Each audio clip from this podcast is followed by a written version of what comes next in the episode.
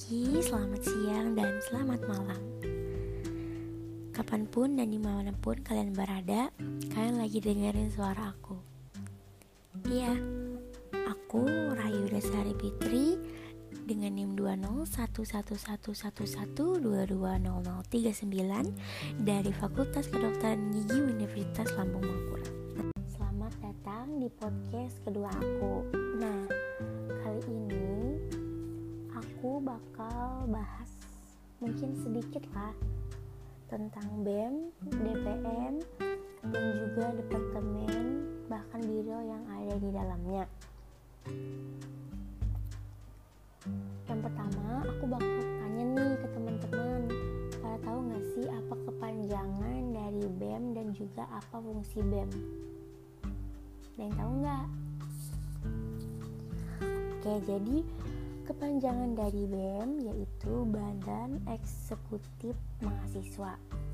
Nah, fungsi BEM yaitu jadi tempat segala keluhan bahkan aspirasi mahasiswa yang nantinya akan disampaikan ke Direktorat Pelayanan Kegiatan Mahasiswa.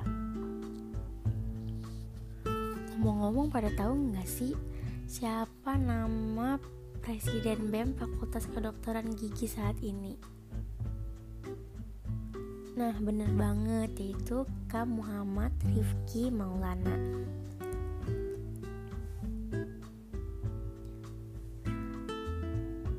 BEM juga terbagi menjadi beberapa departemen dan biro nih. Nah, yang pertama ada BEM Inti. Kemudian ada Departemen Interna dengan prokernya yaitu musyawarah besar, ada rapat kerja dan disnatalis Fakultas Kedokteran Gigi Universitas Lambung Mangkurat. Yang kedua ada Departemen PSDM atau yang biasa disebut dengan Departemen Pengembangan Sumber Daya Mahasiswa. Dengan prokernya yaitu PKKMB dan juga LKMMTD. Nah, LKMMTD ini yang lagi kami laksanakan. Lalu ada Departemen Pengmas dengan proker Bakti Sosial BEMA atau FKG Mengabdi. Kemudian ada Departemen Eksterna dengan proker yaitu Dentin. Selanjutnya ada Kastart biasa dikenal dengan kajian strategi dan advokasi. Nah, salah satu prokernya yaitu Mandibula. Kemudian ada Departemen Infocom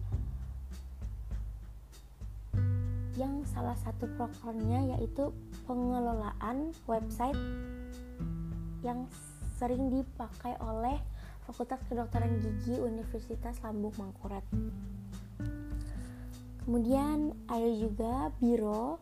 Nah, ada biro litbang atau penelitian dan pengembangan. Salah satu prokernya yaitu adalah kajian organisasi mahasiswa. Nah, yang terakhir ada biro danus atau biro dana usaha.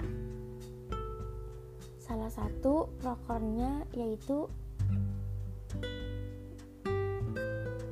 direct, indirect, dan katalog. Mungkin itu aja yang bisa aku jelasin dari BEM dan juga departemen-departemennya. Nah, terus tadi aku juga ada bilang kan, aku mau bahas sedikit lah tentang yang namanya DPM. Sebelumnya mau nanya lagi nih ke teman-teman, tahu nggak sih apa itu DPM? Terus mungkin apa ya fungsi dari DPM ini? Nah, oke. Okay. Jadi DPM ini kepanjangannya yaitu Dewan Perwakilan Mahasiswa.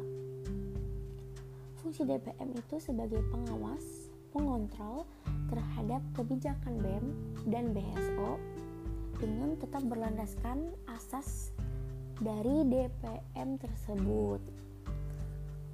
Nah, kemudian DPM sendiri itu terbagi menjadi beberapa komisi Nah, yang pertama ada Komisi Legislasi dan Pengawasan.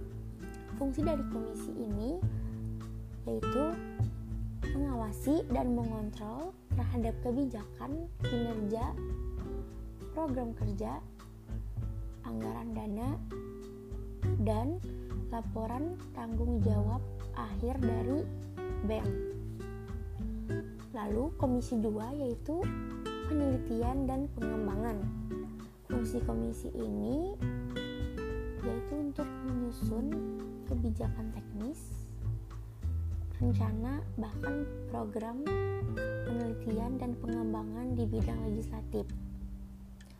Salah satu program kerjanya yaitu Litbang BEM dan studi banding. Kemudian ada di komisi 3 yaitu komisi aspirasi mahasiswa. Nah, komisi ini berfungsi untuk menampung aspirasi mahasiswa dan memberikan hasilnya itu untuk dievaluasi. Kemudian yang keempat ada komisi hubungan antara lembaga Nah ini fungsinya sebagai penghubung jika terjadi perbedaan persepsi dari masing-masing BSO. Yang terakhir ada teknologi informasi dan multimedia sebagai sarana pendataan informasi dalam lingkup fakultas universitas. Mungkin itu aja yang bisa aku jelasin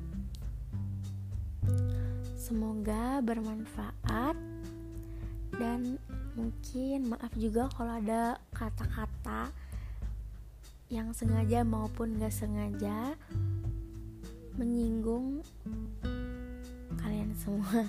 Mungkin itu aja dari aku. Terima kasih udah mau dengerin podcast aku. Dadah.